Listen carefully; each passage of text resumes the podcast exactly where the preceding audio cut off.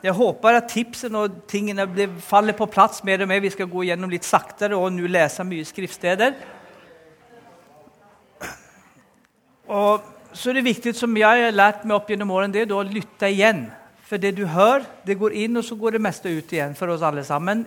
Og det har ingenting med at vi er dum eller ikke dum. Sånn er vi skapt. Så derfor trengs det repetisjon, repetisjon, repetisjon. Og det, noen sier men det der har jeg hørt før. Ja, det har vi stort sett. Vi har stort sett hørt det meste som står i Bibelen hvis vi har vært frelst en stund.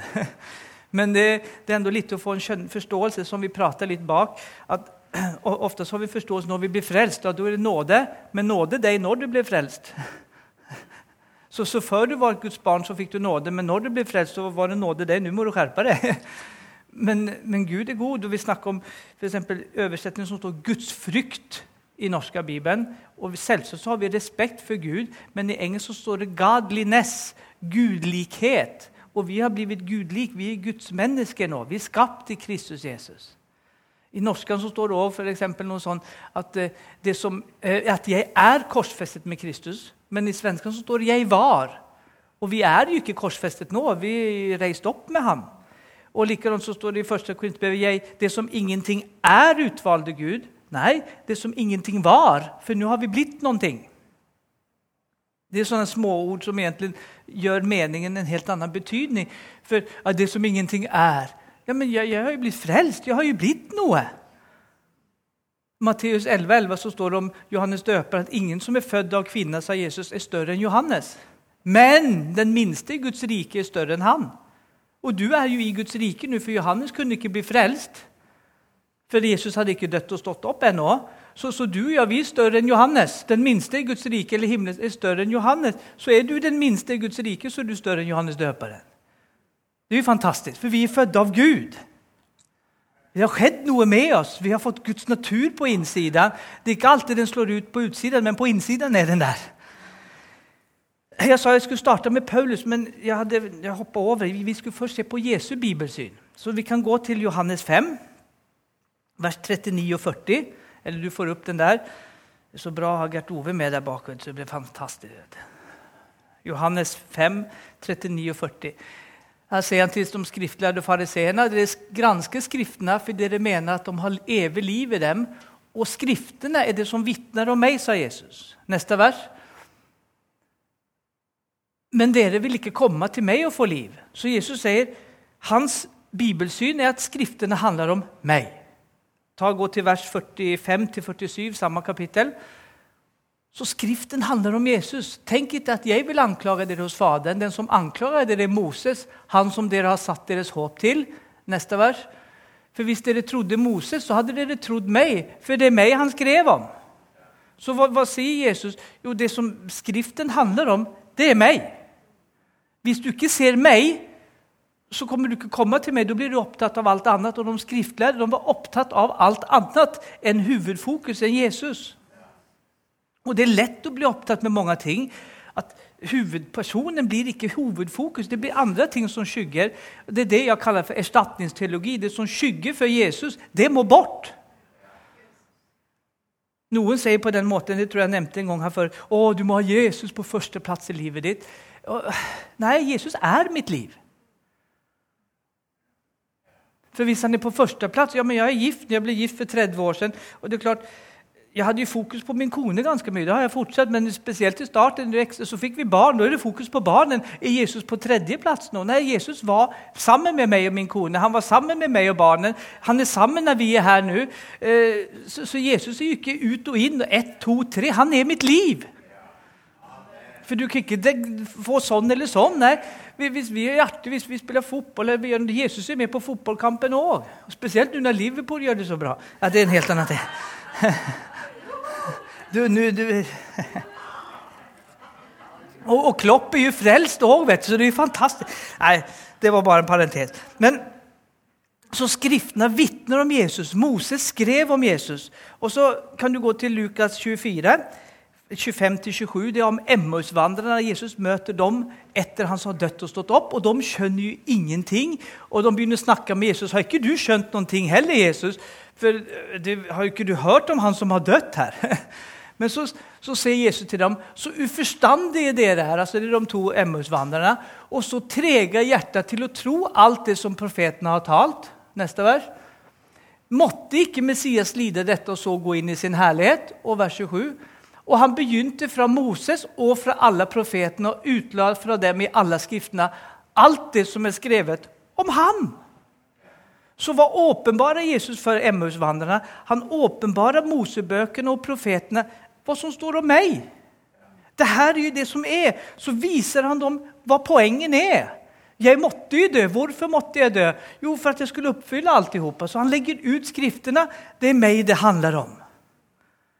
Så I samme kapittel da kan du gå til kapittel, vers 44. Da kommer han til de 11, for da er Judas borte. Fra vers 44 til 49. Vet ikke om vi har samme oversettelse, det er derfor jeg snur meg om og leser det. Så han sa til dem, dette er mine ord som jeg har talt til dere mens jeg ennå var hos dere, at alt dette måtte oppfylles som er skrevet om meg i Moseloven, Moselov, profetene og salmene. Så Jesus viser det om meg, og han viser disiplene, og så åpner han deres forstand, så de kunne forstå Skriftene. Nå er Jesus dødt og stått opp, så nå er de her disiplene frelst. Er vi enige i det? For nå har, har, Jesus stått opp, så nå har de fått troen. Jesus har pustet på dem. Ta imot Den hellige ånd. Da blir de født på nytt.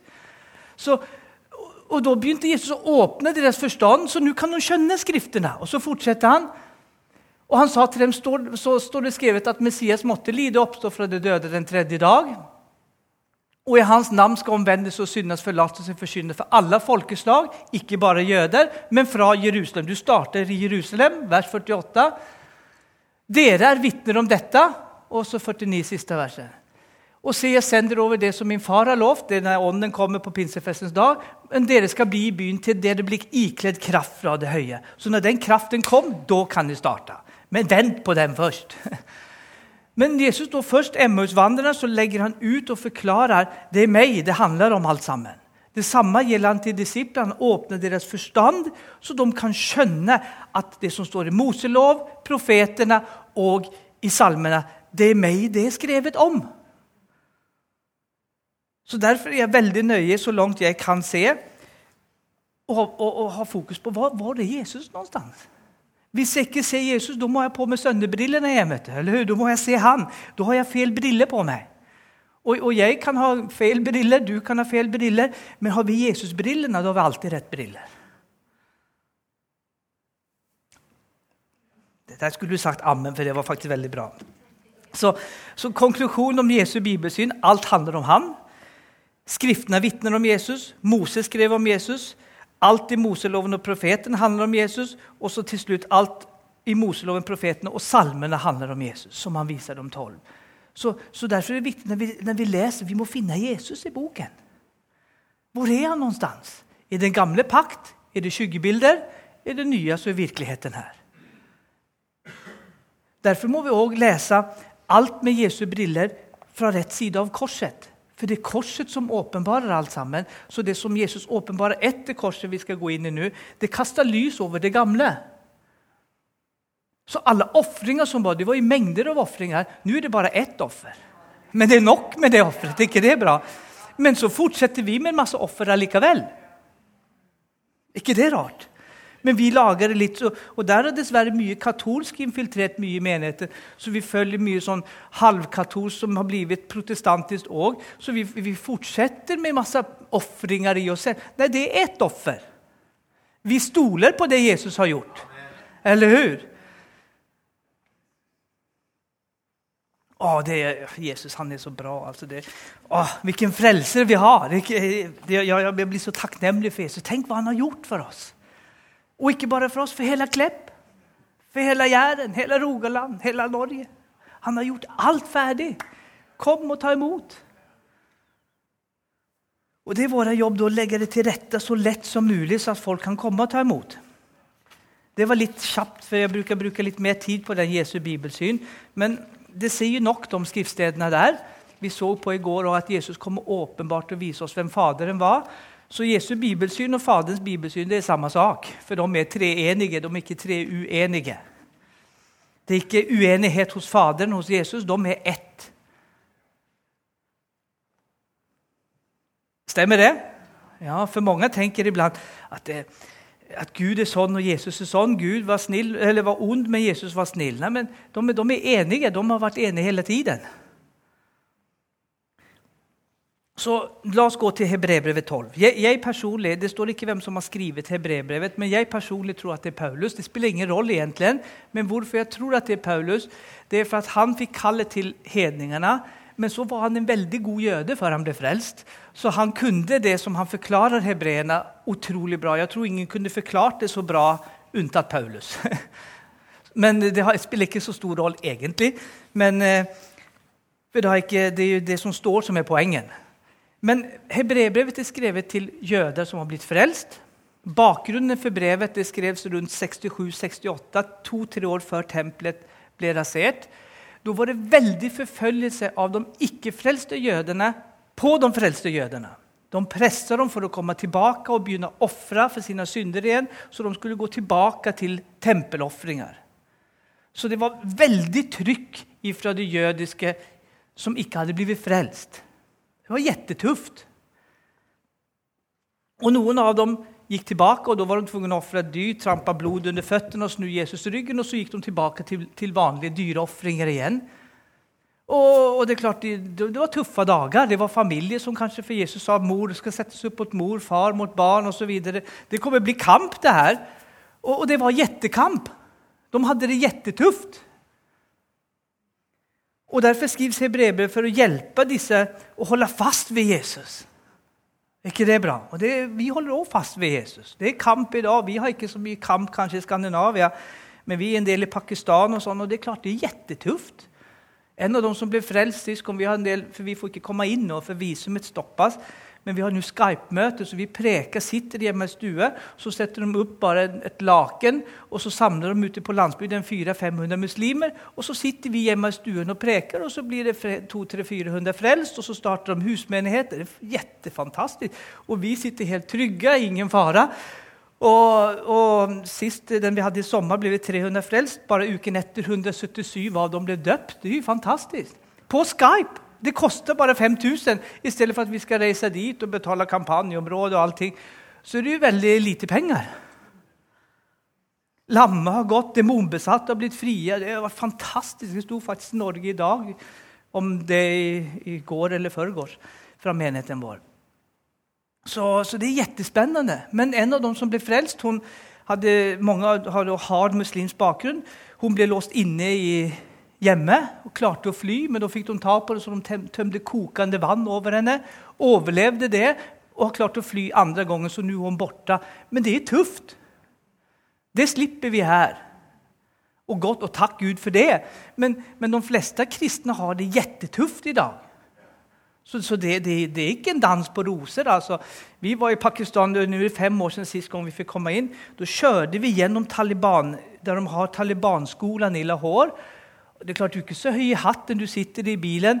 Eh, du ser hvilke som er talibaner, for de har spesielle klær. og sånn. Men, men, du vet Gud har sendt deg. Da åker du. Og så Predikantene der nede de er frimodige, så de har et sånt stort kors hengende i bakspegelen der framme. For vi, vi, er jo frelst, vi må jo vise det. og så sitter da GPS-en, den lyser jo opp, så jeg og Lars som satt bak, vi så ut som to spøkelser. Det var jo så lys, det var jo to amerikanere, og det er det verste de vet. Så kommer da Esler går på veien, så bilen går 2-3 km i timen, for det går ikke å kjøre fort. Så bang, er det noen som slår på taket på bilen.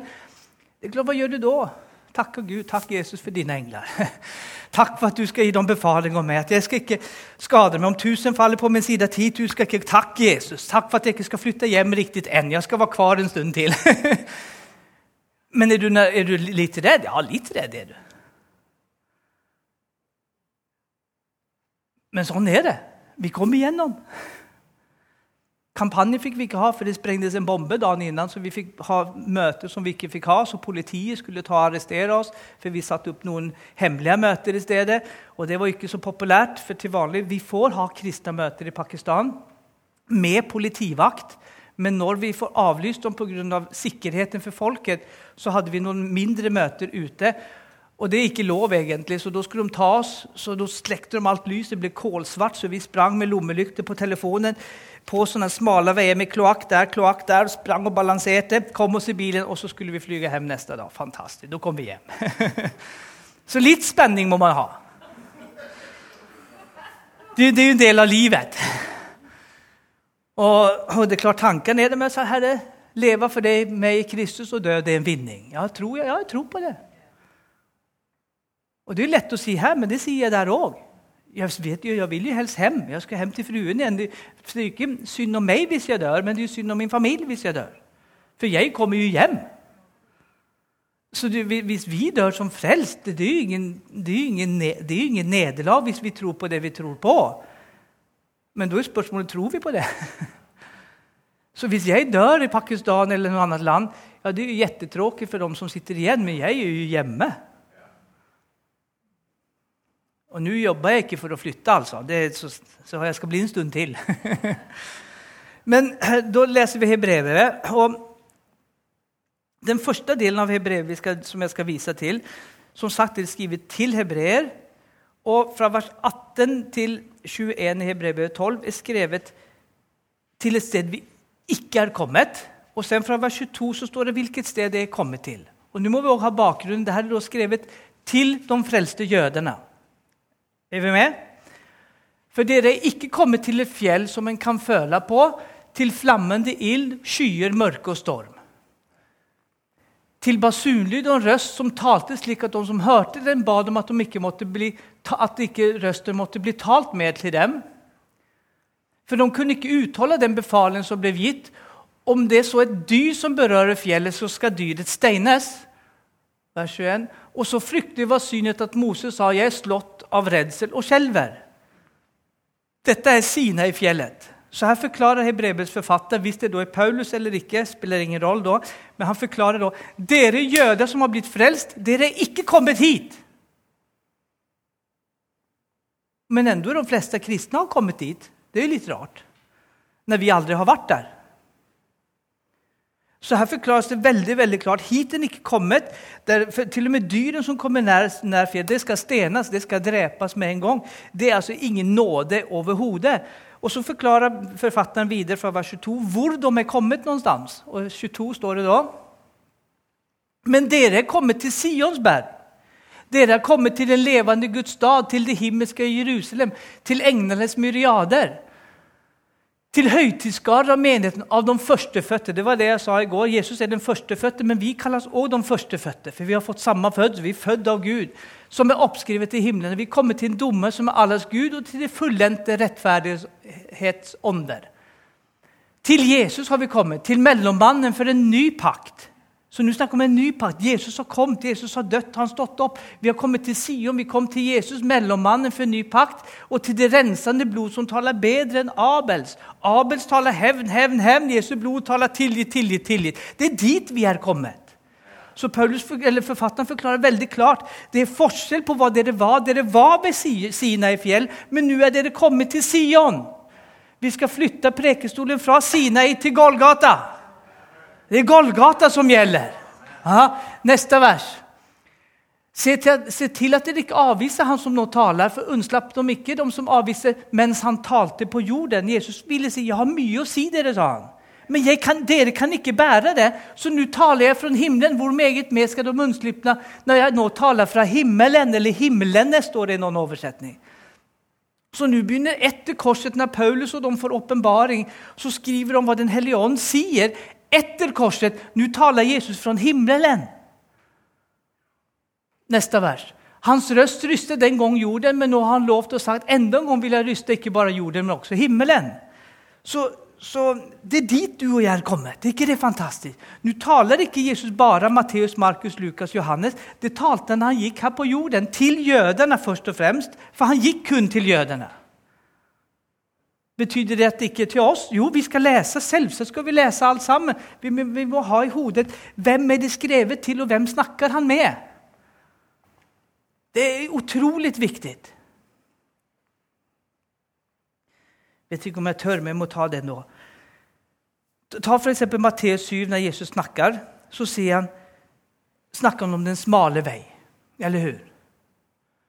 Og den har vi hørt mye om, den smale vei, for den er jo jättejobbig. Men hva står det om Johannes døperen? Han fikk et kall, det står både i Jesaja 35 Jesaja 40, og så står det om han i starten av evangeliene. At han kom for å rydde en kongsvei for Herren. I engelsk står det en highway for Jesus, så han kom for å rydde en stor vei for Jesus. De hellige skal gå på en highway. Det betyder ikke highway av synd, nei, det betyder en motorvei av hellighet. Den helliges motorvei. Så den smale veien, den som står i Jesaja, den er krokete. Den går opp og den går ned. Men Johannes skulle rydde veien så at kroket skulle forsvinne. Dalene skulle høyes og fjellene skulle senkes. Og nå skulle det bli en flat vei der ikke ens dåren skal gå vill. Når du kommer inn i Kristus, så må du bøye deg inn under ham i Kristus, for det er bare Jesus som er veien inn til Gud. Men når du er kommet inn i Kristus, så er det ikke en smal vei lenger. Da lever du i Kristus. Du nyter Han, for Han er jo med overalt. Han leder deg.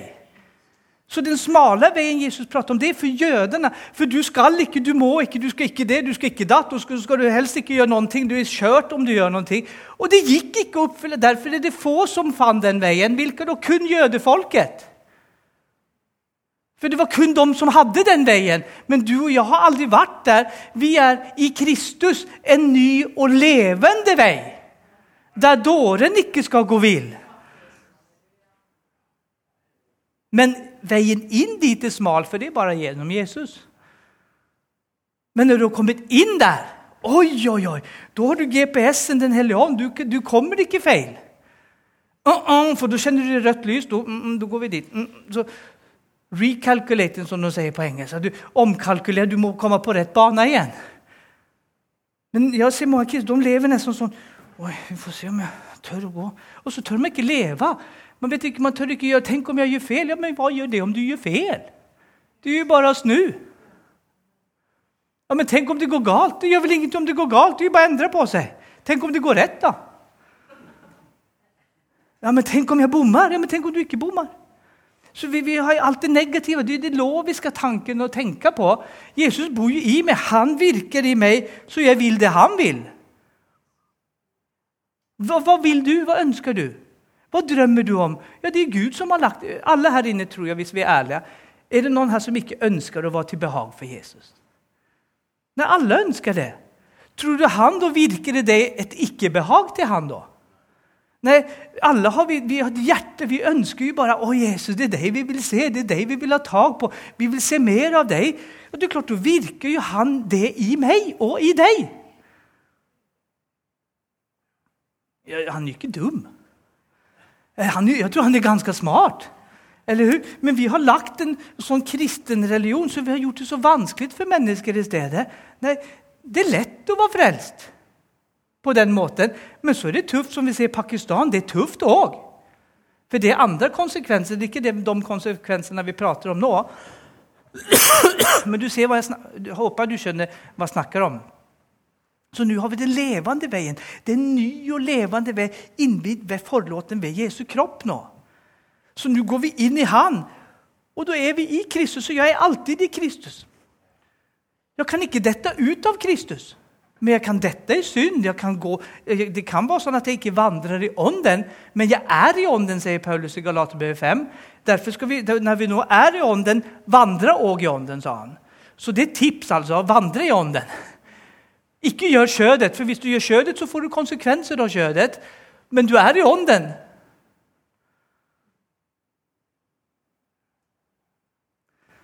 Veldig, veldig bra. Men det gjør da, får jeg lyst til å synde? Nei, jeg får ikke lyst til å synde. Jeg får lyst til å være til behag for Herren. Jeg elsker jo Herren. Det fins ingen bedre enn Jesus. Men på tross av det så bommer man allikevel ennå. Det, det er litt rart.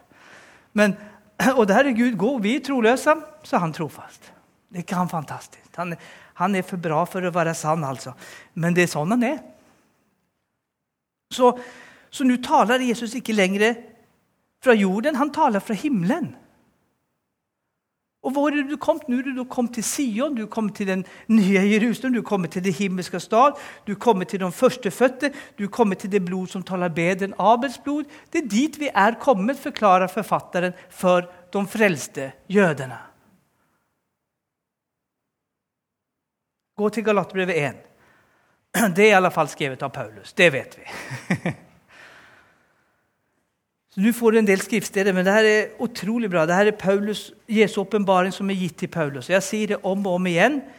Vi setter ikke opp Pauli ord over Jesu ord, for det er Jesu ord begge deler. Men for eksempel, hvis du går til Galaterbrevet, hvis du for eksempel, Jesus sier både i Matteus eh, 7 og i Markus 11 at du må tilgi for å få tilgivelse. Hvis du ikke tilgir, så blir du ikke tilgitt. Står det? Er det før korset eller etter korset? Det er før korset. For Jesus sier det når han går her. Etter korset så kan du få mengder av skrifter. Du kan få Efeserbrevet 1,7, Efeserbrevet 4,27, Kolosserbrevet 1,13, Kolosserbrevet 2,13, Kolosserbrevet 3,13, 1. Johannes 2,12, for å ta noen, pluss hele hebreeret, som viser at vi nå er blitt tilgitt, derfor tilgir vi. Så nå er ditt liv tilgitt, og nå kommer frukten i livet at da tilgir du. Men i den gamle pakt, hvis ikke du tilgav, så fikk du ikke tilgivelse. Men nå har Jesus kommet og forsonet all verdens synd, så nå er vi blitt tilgitt. Så nå blir det en frukt i mitt liv. Takk, Jesus, for at du har tilgitt meg. Derfor tilgir jeg min bror og min søster. I gamle pakt så måtte du elske Herren din Gud med hele ditt hjerte, hele din sjel, hele din kraft og hele din forstand. Det var kun Jesus som lykkes med det. Det hadde vært game over for deg og meg. Vi hadde strøket på prøven alle sammen. Men i den nye pakt, som du startet med i går, så er ikke kjærligheten at vi elsker ham, men at han elsker oss. Så kjærligheten er ikke at du elsker Gud, men kjærligheten at han først elsker deg. Derfor elsker du ham. Så nå er det en frukt. Du har fått Guds ånd, og åndens frukt er kjærlighet. Så nå vokser det frukter i livet ditt. I den gamle pakt så var du tvungen å gjøre det. Hvis ikke, så er det game over. Da er det kjørt, altså. Skjerp deg, altså. Ser du? Så Jesus kom med en forskjell på hva som skjedde etter korset og før korset. Og du og jeg har aldri vært inkludert før etter korset. Så nå er ditt liv tilgitt. Du er elsket. Og jo mer vi skjønner at vi elsker og tilgitt, jo mer tilgir vi og elsker vi. Men å si til en for eksempel, som har vært misbrukt Du må tilgi den som har misbrukt deg. Nei, nei, slapp av. Den må få oppleve Guds kjærlighet om og om igjen. Og så får den kjenne at Jesus elsker meg. Så leger han det indre såret. Og når det har kommet, da er det ikke problem å tilgi lenger. Men å tvinge en å begynne å elske det, det, det, det, er ikke rart at noen går vekk fra menigheten. Men vi skal, vi skal fange inn dem. Eller hur? Det som jeg sa i går, Jesus kom ikke med den. Han kom med den.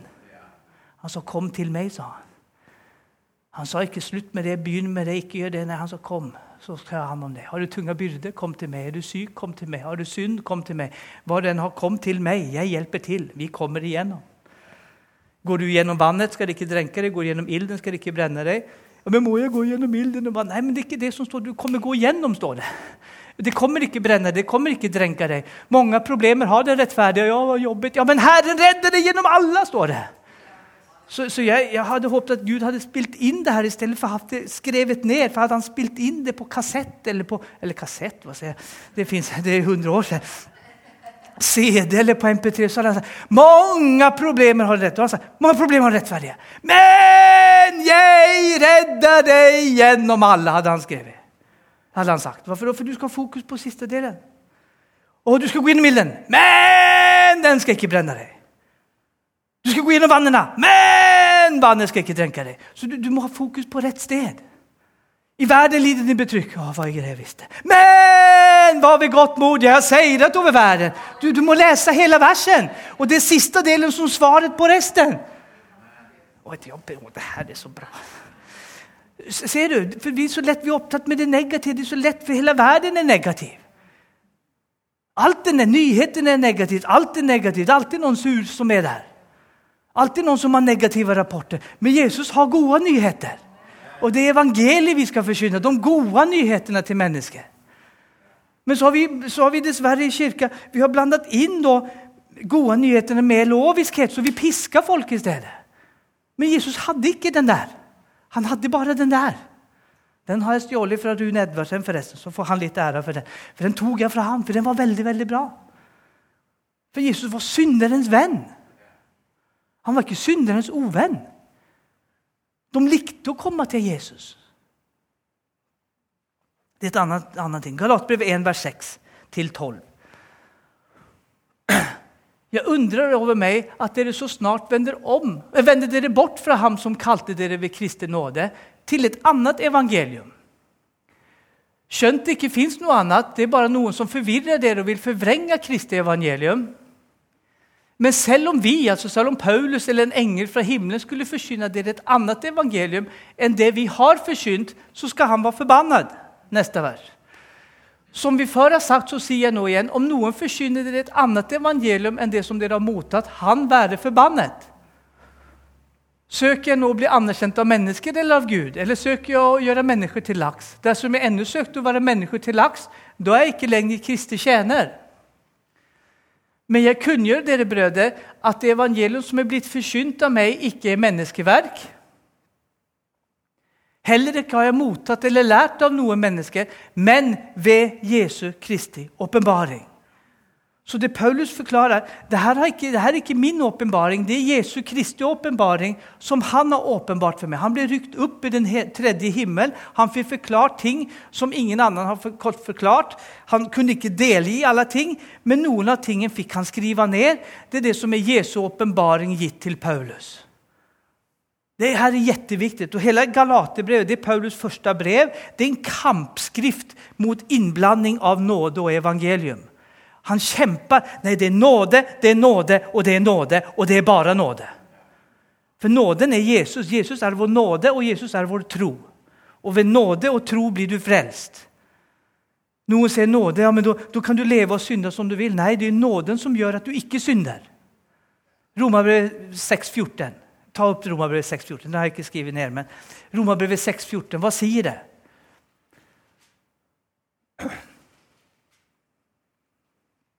Så får du med det òg. For synden skal ikke herske over dere, for dere er ikke under loven, men under nåden.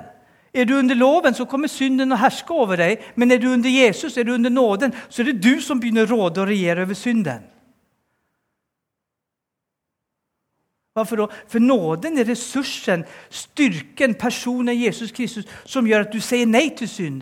Du sier nei til ugudelighet. Du overvinner det med han som bor i deg. Loven har krav på deg, men hjelper deg ikke. Den fordømmer deg. Jesus kommer med ressursen og hjelper deg å leve i seier.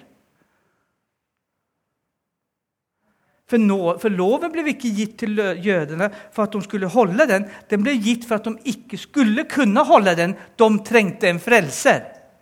De hadde en tuktemester inntil Kristus kom. Og etter at Kristus er kommet, er vi ikke lenger under tukte. Ta opp det, Galaterbrevet 3.23. Det har jeg ikke heller skrevet ned. Men da leser vi bare hva, hva står det for noe. Vi skulle lest hele Galaterbrevet, men da må vi ha en uke til.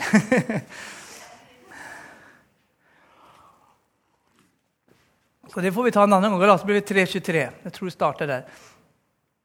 Og Hele Galaterbrevet starter med at det er Abrahams ett, det er en ett, ikke flere etter, det er bare Jesus. Og så forklarer han det. Men før troen kom, altså før Jesus kom, ble vi holdt i varetekt under loven. Innestengt inntil den tro skulle komme som ble åpenbart. Så her, hva er da troen? Jo, troen er Jesus.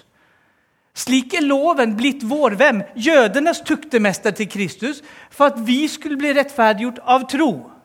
Neste. Men nå når troen er kommet, så er vi ikke lenger under tuktemesteren. Hva var tuktemesteren? Tuktemesteren var loven. Nå når Jesus er kommet, så er du ikke lenger under tuktemesteren. Men det er ikke skrevet til deg og meg. Det er jødene som var under tuktemesteren, for tuktemesteren kom inn til Jesus kom. Og når Jesus kom så oppfylte han tuktemästaren, han oppfylte loven og så gjorde han en ende på loven og nå flytter han inn i oss i stedet. Og nå blir det Kristus i deg, håpet om härlighet. Det, det, det, det, det är så frigörande. Det här är motsatt till all religion som finns. Och det värsta religionen som finns det är kristenreligionen. Varför då? För den har de flesta orden riktigt, men den blir fel. Muslims religion det är jättelätt att avslöja. Hinduismen det är ju 300 miljoner avgudar. Men, men den som ser ut som det är det Paulus kämpar med hela Galaterbrevet. Vi må få ut loven, för det är kun Jesus som gäller. Därför säger han i vers 1, vem har förhäxat er? Du, och engelska cast a spell on you, så du har fått en, en, en, en eh, kan man säga, förhäxelse över dig. Vilka då? De frälste hade fått det, For jødene, de som var jødetroende, kom dit og skulle blanda inn loven. Så Paulus fikk ta Peter. Nå skjerper du deg, gutt! Det blir konfrontasjon med Paulus og Peter. Du prøver å ta inn hit ting som ikke vi skal ha. For vi, vi er Jesus som gjelder, og ikke noe annet. Ble du skremt nå? Nei, det tror jeg ikke. Og så fortsetter vers 26. Men tror jeg kommer vi ikke lenger under tuktemesteren. Så du er ikke der lenger. Alle er vi Guds barn ved troen på Jesus Kristus, ikke ved alt annet. Neste. For dere så mange som er døpt til Kristus, er ikledd i Kristus. Neste igjen. ta 28 og 29. Her er ikke jøde eller greker. Altså, her er ikke forskjell. Her er ikke jøder og greker lenger.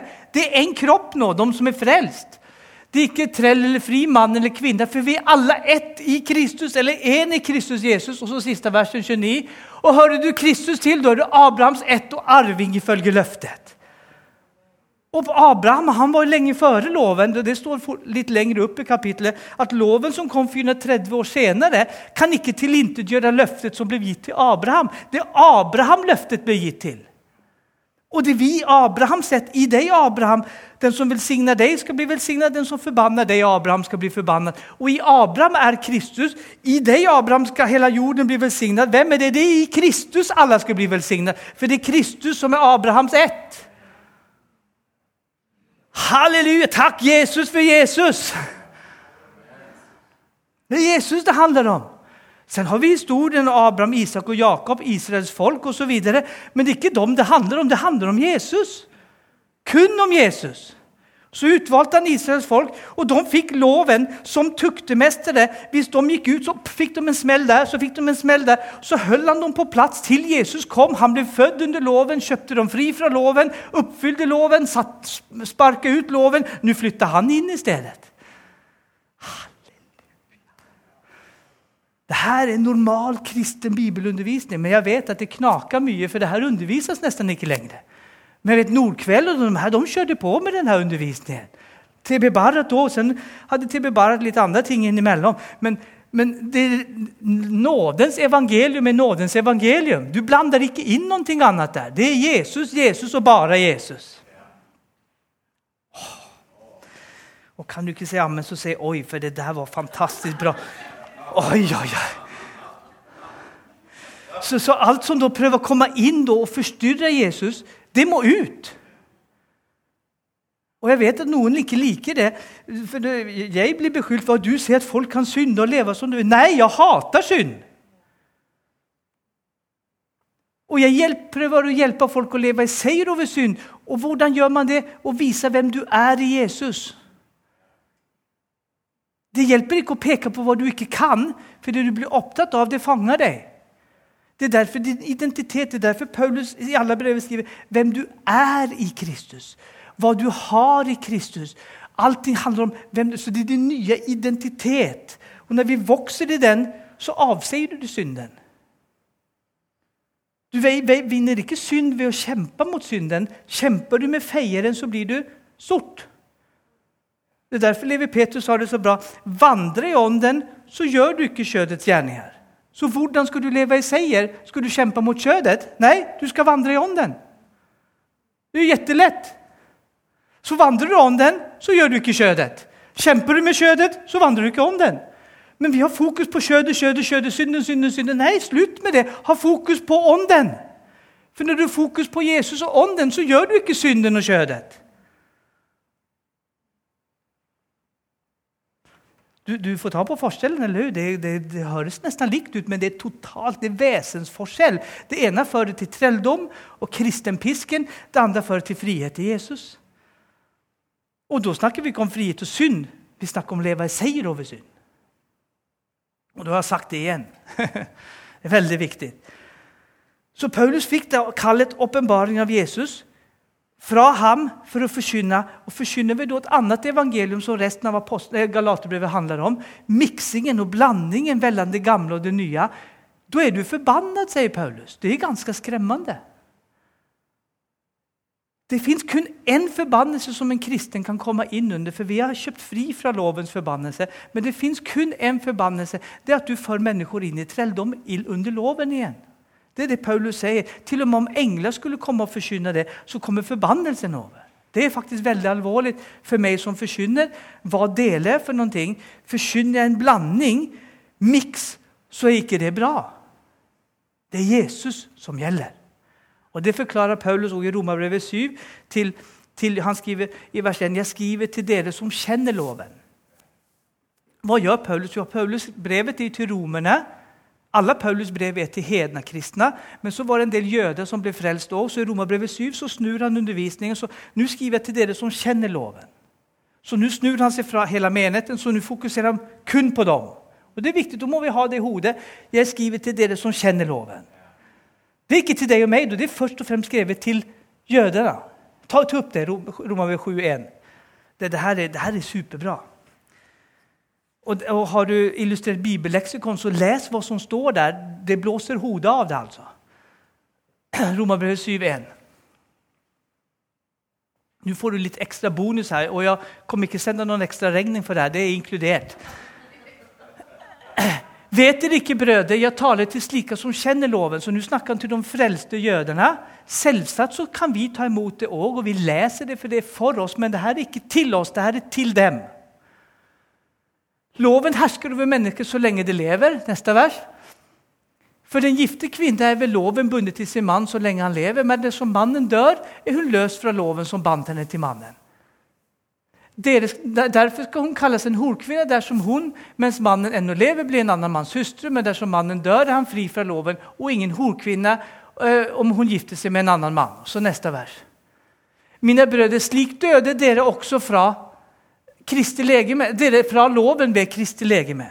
Så nå sikter han på dem og viser til at så har dere dødt fra loven. For han viser da til dem som kjenner loven. Dere jøder, dere var forut gift med loven. Men nå har dere dødt ved det ved Jesus. Så Jesus har drept loven for jødene, ikke for deg og meg, for vi har aldri vært under loven. Men jødene ble kjøpt fri for at de skal tilhøre en annen. de skal tilhøre Jesus nu, han som ble oppreist fra de døde, så vi kan bære frukt for Gud. Så Paulus forklarer nu jødene her fra vers 1 til 4. Forut var det gift med loven, men nu så døde jeg og bar bort, Jeg tog livet av loven Og så stod jeg opp, så nå er du gift med meg i lengde. Hvis du går tilbake til loven så driver du hor. Det förklarar illustrerat bibellexikon veldig, veldig gott. Så, så hvis du og jeg går tilbake då till det loviske, så driver vi hor med Jesus, sier han til jødene. Men du og jeg vi har aldri vært under loven for vi er hedninger. Vi ble frelst etter Jesus stod upp. det, det her det, det, det, sprenger litt her oppe, kanskje, men det er bra det. Det er min jobb. Å sortera om litt. Men så er det du som må rydde det og få det på plass, for det er ikke min jobb, for du må fortsette å fornye sinnet det. Men det her er det som står, det her var skriften forklarer. Det er det som er Paulus kampskrifter om og om igjen. Så hvis jeg da som troende nu går tilbake og begynner å blande inn lov, da driver jeg hor med Jesus, og det er kjempealvorlig.